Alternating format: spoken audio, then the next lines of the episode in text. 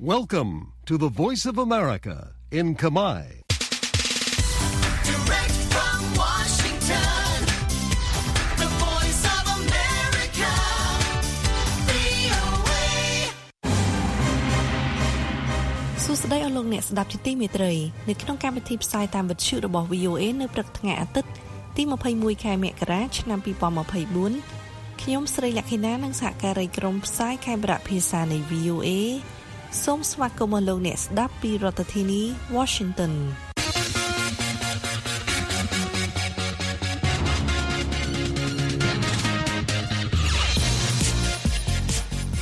នៅក្នុងការផ្សាយរបស់ VOA ជាបន្តបន្តទៅនេះយើងមានសេចក្តីរាយការណ៍អំពីអ្នកជំនាញលើកឡើងថាវិស័យអចលនទ្រព្យនៅកម្ពុជាមិនទាន់មានភាពល្អប្រសើរឡើយដោយសារបញ្ហាសេដ្ឋកិច្ចនិងកង្វះវិនិយោគិនពីចិន នគរបាលកម្ពុជាបើកឲ្យប្រជាពលរដ្ឋអាចដាក់ពាក្យបណ្ដឹងតាមអនឡាញទៅលើបទល្មើសឆបោកតាមប្រព័ន្ធបច្ចេកវិទ្យាឥណ្ឌូនេស៊ីបញ្ជូននាវាមន្ទីរពេទ្យជាមួយនឹងជំនួយទៅកាន់តំបន់កាហ្សាគ្រួសារចំណាប់ខ្មាំងសញ្ជាតិអ៊ីស្រាអែលព្រួយបារម្ភថាពេលវេលាកាន់តែខើចក្នុងការនាំពួកគេមកផ្ទះវិញឪពុកម្ដាយនិងកូនកូនជនជាតិអ៊ុយក្រែនទទួលបានការជួយបង្ហាញផ្លូវនៅក្នុងប្រព័ន្ធសាលារៀនអាមេរិក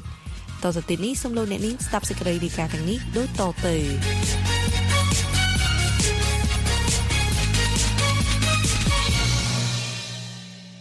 នៅមុនជំងឺរាតត្បាត COVID-19 វិស័យអចលនទ្រព្យនៅកម្ពុជា មានសន្ទុះយ៉ាងខ្លាំង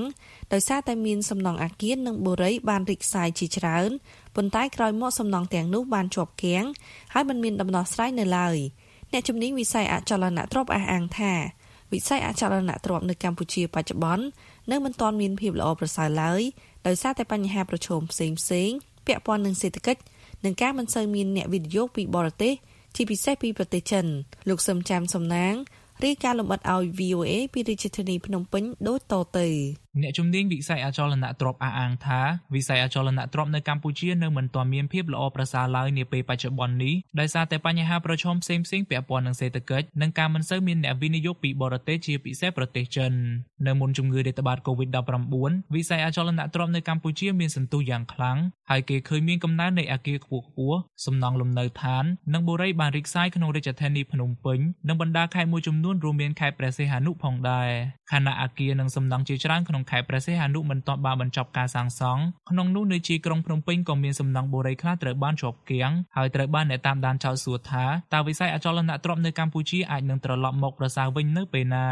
របាយការណ៍របស់ក្រុមប្រឹក្សាអចលនទ្រព្យ CBRE Cambodia ក្នុងឆ្នាំ2023ឲ្យដឹងថាតម្លៃជាមធ្យមនៃអចលនទ្រព្យបឋមសម្រាប់ទាំងខុនដូ និងអចលនទ្រព្យដីក្នុងទីក្រុងភ្នំពេញបានធ្លាក់ចុះដល់ទៅ30%គិតចាប់តាំងពីឆ្នាំ2019អ្នកស្រីអានសុធីតាអគ្គនាយិកាក្រុមហ៊ុនអចលនទ្រព្យ Promnex Cambodia ប្រាប់ VOA ថាលំហូរនៃការទិញលក់អចលនទ្រព្យនៅកម្ពុជាមិនមានការផ្លាស់ប្ដូរប៉ុន្មានឡើយនាពេលបច្ចុប្បន្នហើយចំនួនអ្នកវិនិយោគក៏ពុំសូវមានផងដែរ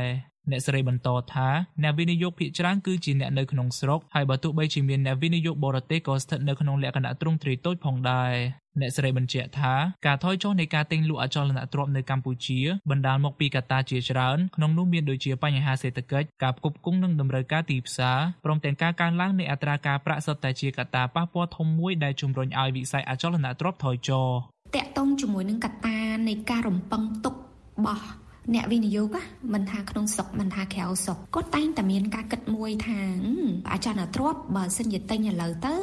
វា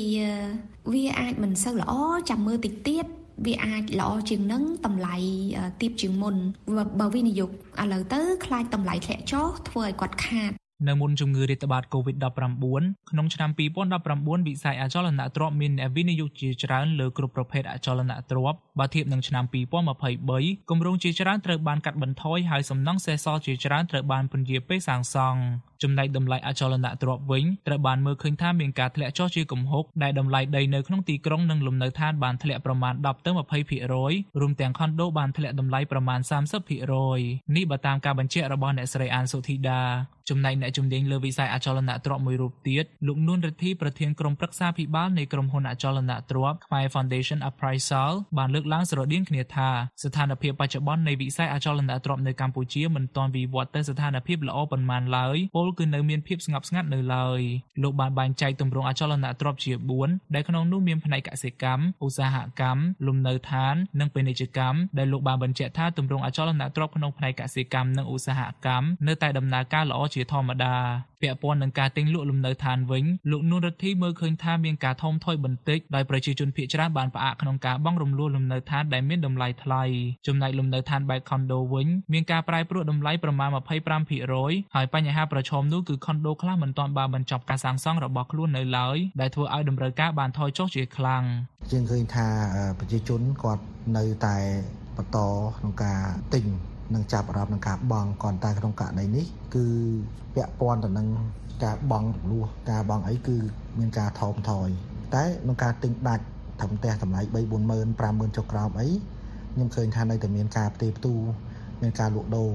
ក៏ប៉ុន្តែវាមិន មានសក្តានុពលដូចមុនដែលធនាគារពាណិជ្ជលោកផ្ដល់អនុទានឲ្យច្រើនដើម្បីជួយដល់បងប្អូនដែលគាត់ត្រូវការអនុទានក្នុងការទិញផ្ទះបង់រំលោះ អ្នកជំនាញក្នុងវិស័យអចលនទ្រព្យដែល VOA បានសម្ភាសន៍លើកឡើងថាវិស័យអចលនទ្រព្យនៅកម្ពុជាភាគច្រើនពឹងផ្អែកលើការវិនិយោគពីបរទេសហើយប្រទេសចិនមានចំនួនច្រើនជាងគេប៉ុន្តែពួកគេបានអះអាងថាចាប់តាំងពីជំងឺរាតត្បាត COVID-19 មកមិនទាន់មានអ្នកវិនិយោគពីចិនមកបន្ថែមនោះទេអ្នកជំនាញលើវិស័យអចលនទ្រព្យក៏ជំរុញឲ្យមានការចូលរួមពីដៃគូពាក់ព័ន្ធក្នុងវិស័យអចលនទ្រព្យនិងរដ្ឋាភិបាលក្នុងការស្វែងរកបញ្ហាប្រឈមនិងជជែកដេញដោលស្វែងរកដំណោះស្រាយដើម្បីធ្វើឲ្យវិស័យអចលនទ្រព្យនៅកម្ពុជាអាចត្រឡប់មកដំណើរការប្រសើរវិញរាជរដ្ឋាភិបាលគាត់អាចនៅតែបន្តផ្គត់ផ្គង់ support ធ្វើហេដ្ឋារចនាសម្ព័ន្ធមិនថាផ្លូវគោកផ្លូវទឹកផ្លូវអាកាសដើម្បីឲ្យកាន់តែមានភាពងាយស្រួលដល់វិស័យផ្សេងផ្សេងៗហើយនិងវិស័យអចលនទ្រព្យ ហើយវាអាចពាក់ព័ន្ធជាមួយនឹងការធ្វើច្បាប់កំណែទម្រង់ដើម្បីឲ្យមានភាពច្បាស់លាស់ហើយកាន់តែមានប្រសិទ្ធភាពសម្រាប់អ្នកវិនិយោគមិនថាក្នុងស្រុកឬក៏ឬក៏ក្រៅស្រុកអញ្ចឹងណាអ្នកស្រីអានសូធីតាក៏បានលើកឡើងពីការអនុគ្រោះពន្ធផ្សេងផ្សេងៗដែលអាចនឹងរួមចំណែកក្នុងការស្ដារវិស័យអចលនទ្រព្យនៅកម្ពុជាដំណើរការល្អប្រសើរវិញផងដែរ សម្រាប់លោកនួនរិទ្ធីលោកគិតថាវិស័យអចលនទ្រព្យកម្ពុជាអាចនឹងដំណើរការល្អឡើងវិញនៅចុងឆ្នាំ2024ឬដើមឆ្នាំ2025ប្រសិនបើបរិយាកាសសេដ្ឋកិច្ចនៅលើពិភពលោកមានការប្រែប្រួលពីព្រោះអ្វីដែលខ្ញុំលើកឡើងនេះមិនមែនយើងពឹងផ្អែកទៅលើបរិយាកាសឬក៏ដាក់បន្ទុកទាំងស្រុងទៅលើប្រទេសដទៃឬក៏ចាំបាច់ណាស់ត្រូវតែចាំឲ្យគេសន្តិភាពបានយើងសន្តិភាពឬយើងមានបានទេឬយើង មានវិនិយោគទេគឺយើងត្រូវពឹងផ្អែកទៅលើសន្តិសុខនិងសុខុមាលភាពនិងសន្តិភាពកម្ពុជាតែផ្ទាល់ VOA មិនទាន់អាចសុំការអត្ថាធិប្បាយពីលោកសេងលូតអ្នកនាំពាក្យក្រសួងដែនដីនគររូបនីយកម្មនិងសំណង់បាននៅឡើយទេកាលពីឆ្នាំ2023អតីតរដ្ឋលេខាធិការក្រសួងសេដ្ឋកិច្ចនិងហិរញ្ញវត្ថុលោកវង្សសេវិសុទ្ធដែលបច្ចុប្បន្នជាឧបនាយករដ្ឋមន្ត្រីទទួលបន្ទុកទីស្តីការគណៈរដ្ឋមន្ត្រីលើកឡើងថាចិនជាប្រទេសដែលវិនិយោគនៅកម្ពុជាច្រើនជាងគេក្នុងឆ្នាំ2022ដែលមានទំហំទឹកប្រាក់ជាង1600លានដុល្លារអាមេរិកស្មើនឹង42%នៃការវិនិយោគពីបរទេសសរុបលោកថាចិននៅតែដើរតួនាទីសំខាន់ក្នុងការរុញច្រានកំណើនសេដ្ឋកិច្ចរបស់កម្ពុជា ដែលបានវិនិយោគលើវិស័យឧស្សាហកម្មពាណិជ្ជកម្មកសិកម្មទេសចរណ៍អចលនទ្រព្យព្រមទាំងហេដ្ឋារចនាសម្ព័ន្ធផ្សេងផ្សេងៗលោកហុងវណ្ណៈអ្នកជំនាញសេដ្ឋកិច្ចនៃវិទ្យាស្ថានទំនាក់ទំនងអន្តរជាតិនៃរាជបណ្ឌិតសភាកម្ពុជាលើកឡើងថាវិស័យអចលនទ្រព្យកម្ពុជាមិនសូវមានការលូតលាស់ខ្លាំងដូចមុនជំងឺរាតត្បាត COVID-19 ទេលោកនិយាយថាការដែលវិស័យអចលនទ្រព្យដំណើរការមិនបានល្អអាចបណ្ដាលមកពីមូលហេតុចម្បងដូចជាការផ្គប់ផ្គង់លើតម្រូវការចំណូលប្រជាពលរដ្ឋក្នុងប្រទេសមានការថយចុះនិងបញ្ហាជំងឺរាតត្បាតដែលធ្វើឲ្យវិស័យធំៗជាច្រើនត្រូវបានជាប់គាំងមិនដំណើរការបន្ទាប់ពីបញ្ហា COVID-19 មិនទាន់បានស្រាកស្រានស្រួលបួលផងក៏កើតមានចំនួនរុស្ស៊ីអ៊ុយក្រែនបាទហើយបន្តរហូតមកដល់មានសង្គ្រាមប៉ាឡេស្ទីនហើយនិងអ៊ីស្រាអែលទៀតបាទអញ្ចឹងបញ្ហាទាំងអស់នេះគឺសុទ្ធតែជាផលរំខានដែលប៉ះពាល់ដល់ទៅ ការសម្រេចចិត្តរបស់វិនិយោគិនក៏ដូចជាដំណើរទេសចរណាទស្សនាកំសាន្តផ្សេងៗរបស់ភ្ញៀវអន្តរជាតិហ្នឹងមកកាន់កម្ពុជាឬក៏ទៅកាន់តំបន់ផ្សេងៗអញ្ចឹងចរន្តទាំងអស់ហ្នឹងហើយដែលធ្វើឲ្យជាចលករហ្នឹងធ្វើឲ្យរាំងស្ទះនៅវិស័យអចលនទ្រព្យហ្នឹងមិនសូវមានការរីកចម្រើន លោកលើកឡើងទៀតថាវិស័យពាណិជ្ជកម្មនិងវិស័យឧស្សាហកម្មនៅកម្ពុជាក៏ពុំសូវមានភាពខ្លាំងក្លាប៉ុន្មានដែរនៅប៉ុន្មានឆ្នាំចុងក្រោយនេះប៉ុន្តែកម្ពុជានៅតែទប់ទល់បាននឹងសេដ្ឋកិច្ចរបស់ខ្លួនក្នុងឆ្នាំ2023លោកក៏មើលឃើញពីការងើបឡើងវិញលើវិស័យនេះថាអាចនឹងប្រសើរឡើងនៅពាក់កណ្ដាលឆ្នាំ2024ដែលសារតែការស្ងប់ស្ងាត់នៃសង្គ្រាមលើពិភពលោកវិស័យអចលនទ្រព្យនឹងអាចមានកំណើនត្រឡប់មកវិញនៅក្នុងពាក់កណ្ដាលនៃឆ្នាំ2024ជាបណ្ដាបណ្ដារហូតដល់ទៅដល់ឆ្នាំខាងមុខខាងមុខទៀតបាទធនាគារពិភពលោកកាលពីខែវិច្ឆិកាឆ្នាំមុនលើកឡើងថាកំណើនសេដ្ឋកិច្ចកម្ពុជាត្រូវបានព្យាករណ៍កើនឡើងក្នុងអត្រា5.4%ក្នុងឆ្នាំ2023និង5.8%នៅឆ្នាំ2024តាមការរំពឹងទុកនៃការកើនឡើងនៃការវិនិយោគហេដ្ឋារចនាសម្ព័ន្ធនិងអត្ថប្រយោជន៍ផ្សេងៗពីកិច្ចព្រមព្រៀងពាណិជ្ជកម្មក្នុងតំបន់ធនាគារពិភពលោកបន្តថាការកើនឡើងនៃបំណុលគ្រួសារនិងអនិទានក្នុងស្រុកក្នុងវិស័យអចលនទ្រព្យនៅតែជាហានិភ័យដដែលយ៉ាងណាមិញរដ្ឋាភិបាលក៏បានសម្រេចបន្តលើកលែងពន្ធប្រថាប់ត្រាអនុគ្រោះពន្ធប្រថាប់ត្រានិងពន្យាលើការអនុវត្តពន្ធលើចំណេញមូលធនដល់ដំណាច់ឆ្នាំ2024ក្រោយមានការតវ៉ាលើការប្រមូលពន្ធមូលធន20%នៃការទិញលក់ចំណេញអចលនទ្រព្យរាយការណ៍ប្រជាធានីភ្នំពេញខ្ញុំសំច័ន្ទសំណាង VOA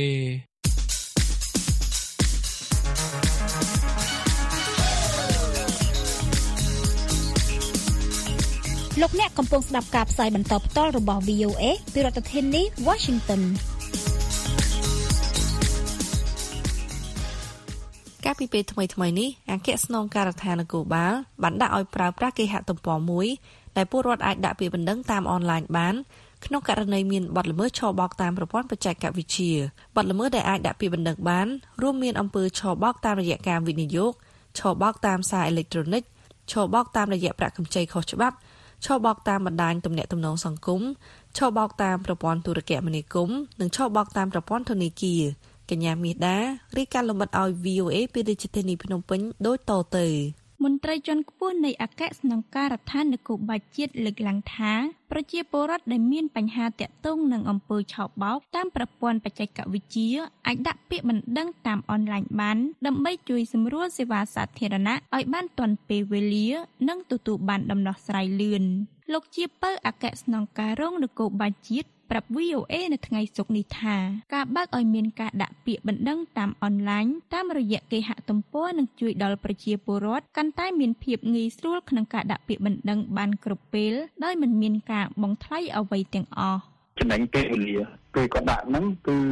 ធ្វើឲ្យសមត្ថកិច្ចយើងទទួលពាក្យបណ្ដឹងហ្នឹងពីជនរងគ្រោះបានលឿនចាត់វិធានការច្បាប់ក៏បានល្អប្រសើរហើយសម័យនេះគឺសម័យបច្ចេកវិទ្យា ចឹងយើងត្រូវសម្រួលបំរើសេវាសាធារណៈហ្នឹងឲ្យបានប្រសើរល្អហើយលឿនអឺការដាក់ពាក្យបណ្ដឹងអនឡាញនេះគឺចំណងជើងកន្លែងហ្នឹងគឺគេដាក់ថា scan អញ្ចឹង scan ហ្នឹងគឺការឆបោកដោយប្រើប្រាស់ប្រព័ន្ធបច្ចេកវិទ្យាអញ្ចឹងនៅពេលដែលមានបញ្ហាហ្នឹងគឺគាត់អាចដាក់បណ្ដឹងមកតាមអនឡាញហ្នឹងបាន លោកជាពៅឲ្យដឹងទៀតថាការដាក់ពាក្យបណ្ដឹងតាមអនឡាញនិងការដាក់ពាក្យបណ្ដឹងនៅតាមមូលដ្ឋានដោយផ្ទាល់គឺមានភាពដូចគ្នាប៉ុន្តែលោកថាការដាក់ពាក្យបណ្ដឹងតាមអនឡាញមានភាពងាយស្រួលជាង ហើយវាគឺជាពាក្យបណ្ដឹងដែលពាក់ព័ន្ធជាមួយនឹងអំពើឆោបបោកតាមបច្ចេកវិទ្យាបើតាមលោកជាពៅក្នុងមួយសប្តាហ៍លោកទទួលបានពាក្យបណ្ដឹងចាប់ពី10ពាក្យបណ្ដឹងឡើងទៅ អគ្គស្នងការរងនគរបាលជាតិរូបនេះអំពាវនាវឲ្យប្រជាពលរដ្ឋទាំងអស់បង្កើនការប្រុងប្រយ័ត្នចំពោះរាល់ករណីឆោបបោកដែលអាចកើតមានឡើងតាមរយៈប្រព័ន្ធបច្ចេកវិទ្យា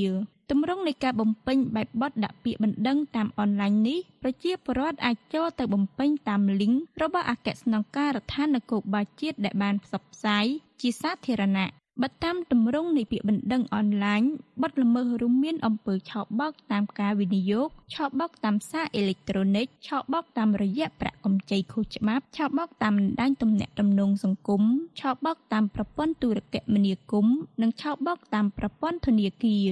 អ្នកដាក់ពាក្យបណ្ដឹងត្រូវបញ្ជាក់ដំណើររឿងឯកសារយោងឬផុសតាំងពាក់ព័ន្ធនឹងឈ្មោះដើមបណ្ដឹងអាសយដ្ឋានលេខទូរស័ព្ទនិងរូបថតដោយភ្ជាប់ជាមួយនឹងអត្តសញ្ញាណប័ណ្ណ នាយកទទួលបន្ទុកកិច្ចការទូតនៃអង្គការការពារសិទ្ធិមនុស្សលីកាដូលោកអំសំអាតយល់ថាការបើកឲ្យមានការដាក់ពាក្យបណ្ដឹងតាមអនឡាញជារឿងល្អមួយដែលផ្ដល់ឱកាសដល់ពលរដ្ឋអាចដាក់ពាក្យបណ្ដឹងបានដោយខ្លួនឯងលោកជំរុញឲ្យសមត្ថកិច្ចត្រូវអនុវត្តនិងបំពេញតួនាទីរបស់ខ្លួនឲ្យបានត្រឹមត្រូវក្នុងការដោះស្រាយបញ្ហាដល់ម្ចាស់បណ្ដឹងប្រកបដោយភាពយុត្តិធម៌ការទទួលបណ្ដឹងហើយបើសិនជាចូលទៅតាម គោលការណ៍ទាំងអស់ហ្នឹងគឺអាជ្ញាធរដែលពាក់ព័ន្ធត្រូវតែអនុវត្តទៅតាមនីតិវិធីហើយនឹងជួយរកយុត្តិធម៌សម្រាប់ជនរងគ្រោះអាហ្នឹងมันអាចទប់ស្កាត់បាទបង្ក្រាបទៅលើការឆោបោកតាមប្រព័ន្ធអនឡាញនឹងបានណាណាបាទទោះបីជាអ្នកដែលប្រព្រឹត្តនិងអ្នកដែលចូលរួមឬក៏អ្នកដែលពាក់ព័ន្ធនឹងការឆោបោកតាមប្រព័ន្ធអនឡាញគ្រប់រូបភាពហ្នឹងមានខ្នងបង្អែកណាក៏ដោយអានឹងត្រូវតែ ចាត់វិធានការតាមផ្លូវច្បាប់លោកបន្ថែមថាអាញាធមមានសមត្ថកិច្ចគួរតែផ្សព្វផ្សាយបន្ថែមពីរបៀបនៃការបំពេញបែបបទទៅតាមទម្រង់នៃការដាក់ពាក្យបណ្ដឹងតាមអនឡាញហើយក៏គួរតែផ្ដល់កិច្ចការពីដល់ម្ចាស់ពាក្យបណ្ដឹងផងដែរដើម្បីធានាថាពួកគេមានទំនុកចិត្តនិងសុវត្ថិភាពក្នុងការដាក់ពាក្យបណ្ដឹងរាយការណ៍ពីរាជធានីភ្នំពេញនាងខ្ញុំមាសដា VOA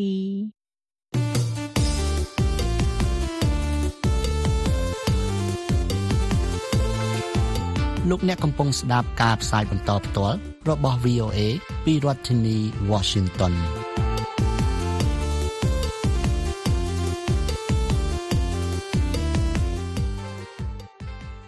ប្រទេសឥណ្ឌូនេស៊ីកាលពីថ្ងៃទី18ខែមករាបានបញ្ជូននាវាមន្ទីរពេទ្យមួយគ្រឿងទៅកាន់ប្រទេសអេស៊ីបដើម្បីផ្ដល់ជំនួយមនុស្សធម៌ដល់ពលរដ្ឋប៉ាឡេស្ទីននៅក្នុងតំបន់កាហ្សារ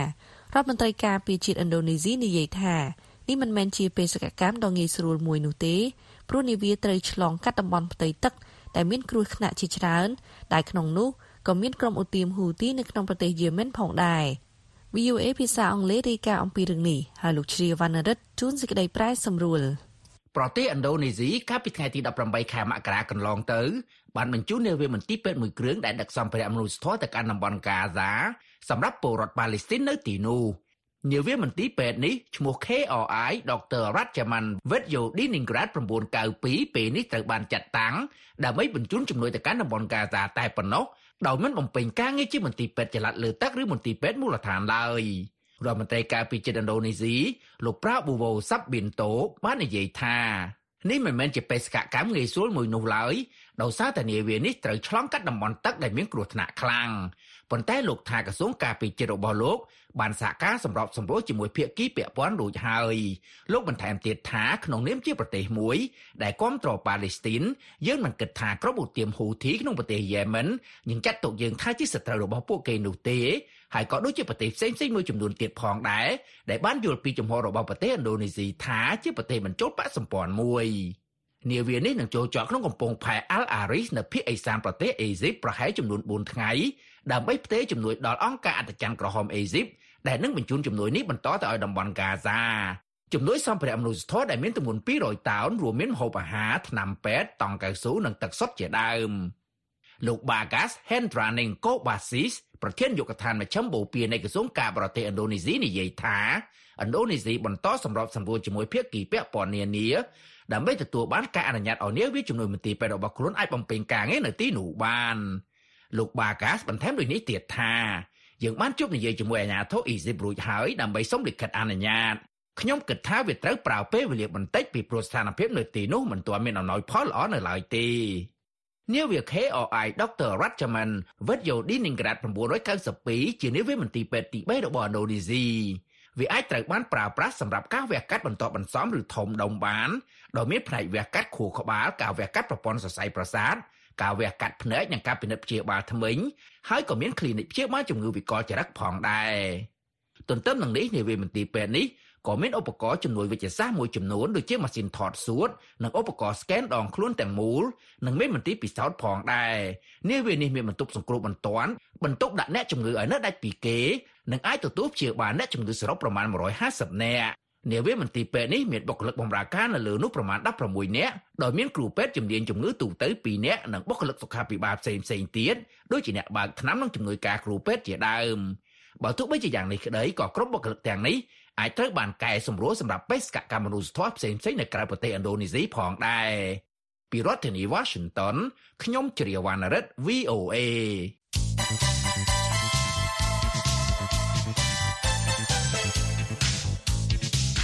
លោកអ្នកនាងជាទីមេត្រី VOA មានវីដេអូជាច្រើនដែលតាក់ទងនឹងប្រទេសកម្ពុជា នៅក្នុងគេហទំព័ររបស់យើង khmer.voanews.com លោកអ្នកអាចទស្សនាវីដេអូទាំងនេះដើម្បីជ្រាបយល់នៅព័ត៌មានថ្មីថ្មីទាក់ទងនឹងប្រធានបទផ្សេងផ្សេងដែលមានរួមទាំងរឿងសាលាក្តីខ្មែរក្រហមសុខភាពបរិស្ថានអក្រិតកម្មសិទ្ធិមនុស្សនិងរឿងសំខាន់ដទៃទៀត សូមលោកអ្នកចុចលើពាក្យទូរទស្សន៍នៅរបាខាងលើ ហើយចុចលើវីដេអូណា ដែលលោកអ្នកចង់ទស្សនា សូមអរគុណ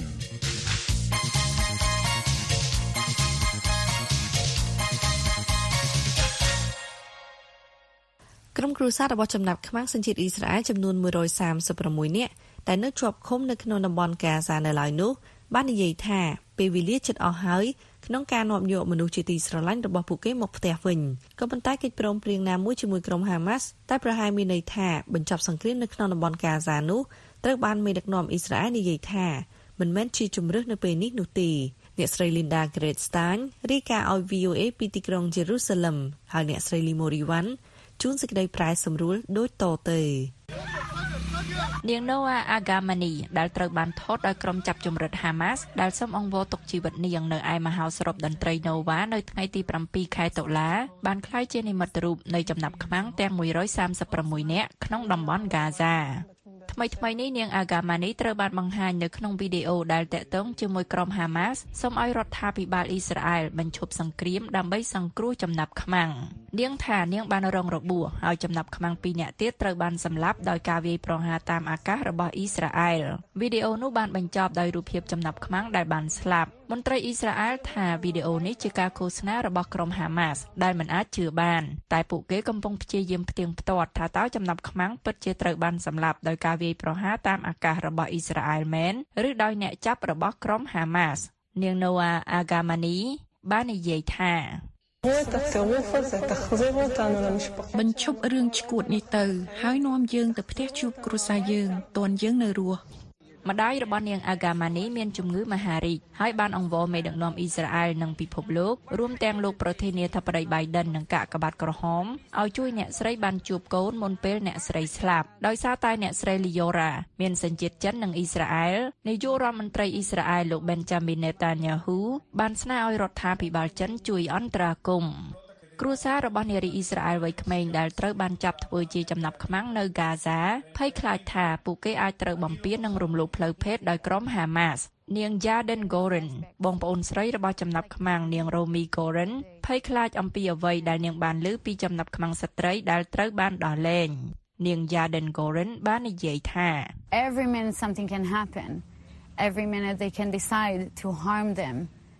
រាល់នីតិរឿងអ្វីមួយអាចកើតឡើងរាល់នីតិពួកគេអាចសម្រេចចិត្តធ្វើបាបពួកគេបំពានលើពួកគេទាំងផ្លូវចិត្តផ្លូវកាយនិងផ្លូវភេទហើយពួកគេអត់សង្ឃឹមតើពួកគេអាចធ្វើអ្វីប្រឆាំងនឹងរឿងនោះបានពួកគេមិនអាចប្រឆាំងបានទេព្រោះវាអាចធ្វើឲ្យពួកគេបាត់បង់ជីវិត កាលពីខែវិច្ឆិកាក្រុមហាម៉ាស់បានដោះលែងចំណាប់ខ្មាំងជាង100នាក់ក្នុងចំណោមចំណាប់ខ្មាំងជាង240នាក់ជាថ្នូវនឹងបទឈប់បាញ់បណ្ដោះអាសន្ននិងការដោះលែងអ្នកទោសប៉ាឡេស្ទីនប្រមាណ240នាក់ប៉ុន្តែឥឡូវនេះក្រុមហាម៉ាស់ថាខ្លួននឹងដោះលែងចំណាប់ខ្មាំងទៀតជាថ្នូវនឹងបទឈប់បាញ់ទាំងស្រុង លោកនេតាញ៉ាហ៊ូនៅតែបញ្ជាក់ថាអ៊ីស្រាអែលនៅតែបដិញ្ញាចិត្តបំផ្លាញក្រុមហាម៉ាស់និងឲ្យមានការដោះលែងចំណាប់ខ្មាំងប៉ុន្តែគ្រូសាចំណាប់ខ្មាំងមួយចំនួនថាគោលដៅទាំងពីរនេះប្រឆាំងគ្នាលោក Jonathan Deckelchen ជាឪពុករបស់លោក Sagi ដែលជាចំណាប់ខ្មាំងម្នាក់បាននិយាយថា my kibbutz alone about 10 hostages have been declared dead គ្រាន់តែនៅសហគមន៍ខ្ញុំមួយប៉ុណ្ណោះចំណាប់ខ្មាំងប្រហែល10នាក់ត្រូវបានប្រកាសថាស្លាប់ក្នុងពេលមួយខែចុងក្រោយនេះសាកសពពួកគេនៅជាមួយក្រុមហាម៉ាស់នៅឡើយយើងចង់បញ្ឈប់រឿងនេះយើងចង់បានចំណាប់ខ្មាំងមកផ្ទះវិញ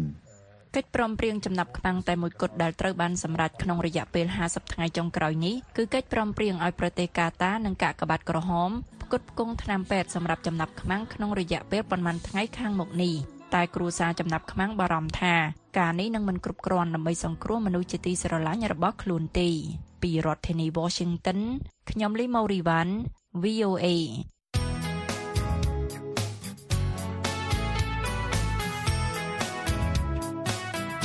សួស្តីលោកអ្នកស្ដាប់ជាទីមេត្រី VOA យើងខ្ញុំសូមជម្រាបលោកអ្នកថាក្រៅពីផ្សព្វផ្សាយព័ត៌មានអំពីប្រទេសកម្ពុជាជាអត្ថបទនិងសំឡេងលោកអ្នកថែមទាំងអាចទទួលព័ត៌មានជារូបភាពវីដេអូផងដែរសូមលោកអ្នកចូលទៅកាន់គេហទំព័រ youtube.com/voa khmer service ដើម្បីបើកមើលព័ត៌មានជាវីដេអូថ្មីៗដែលរួមមានបទសម្ភាសន៍បទយកការនិងព័ត៌មានផ្សេងៗទាក់ទងនឹងប្រទេសកម្ពុជា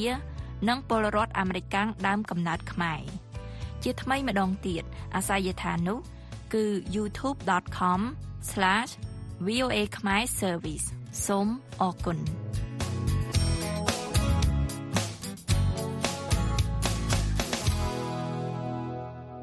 ក្រោយពីរុស្ស៊ីចូលឈ្លានពានអ៊ុយក្រែននៅក្នុងខែកុម្ភៈឆ្នាំ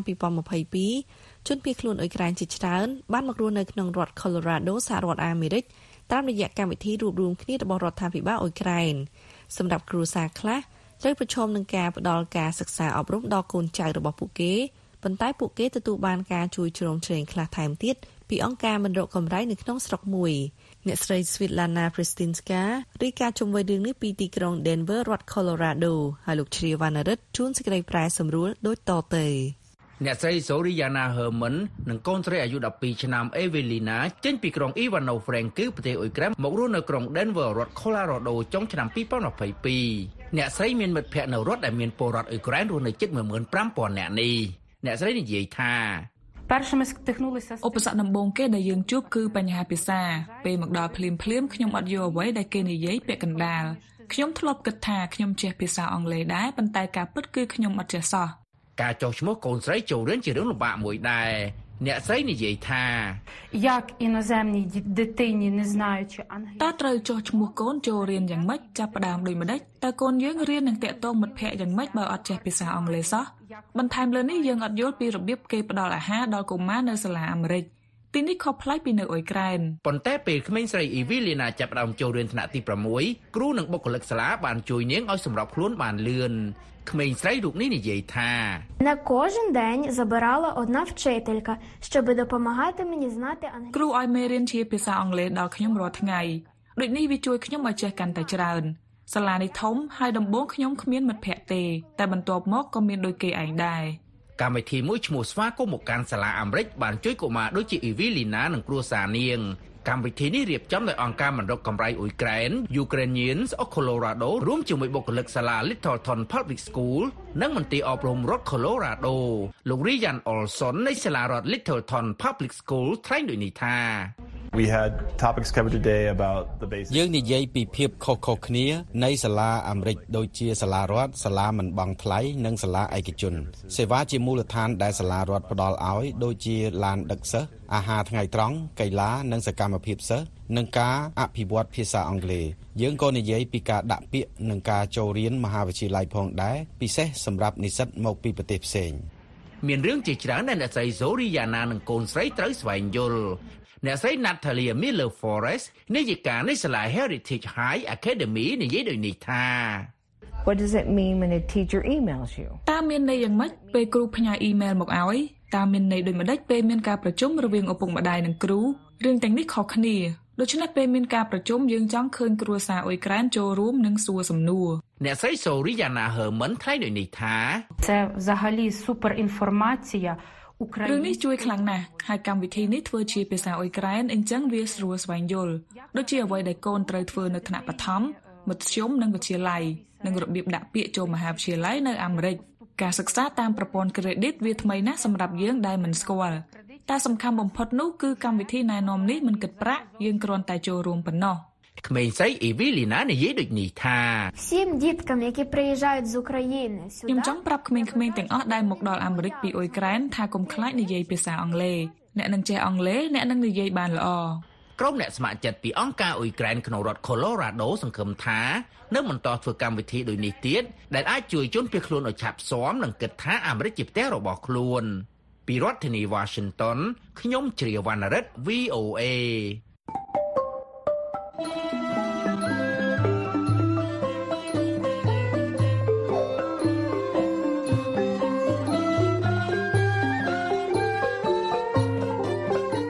ផ្សាយរបស់ VOA នៅព្រឹកនេះចប់តែប៉ុណ្ណេះប៉ុន្តែលោកអ្នកនាងនឹងអាចស្ដាប់ឬអានព័ត៌មានរបស់ VOA ឡើងវិញបាន តាមរយៈគេហទំព័រ khmae.voanews.com សំលោកអ្នកនាងរងចាំស្ដាប់ការផ្សាយបន្តផ្ទាល់របស់យើងខ្ញុំនៅរាត្រីនេះពីម៉ោង8:30នាទីដល់ម៉ោង9:30នាទីតាមរលកវិទ្យុ 25m ត្រូវនឹងកម្រិត11695និង1575 kHz សំលោកអ្នកនាងប្រកបដោយសុភមង្គលគ្រប់ប្រការ ạ.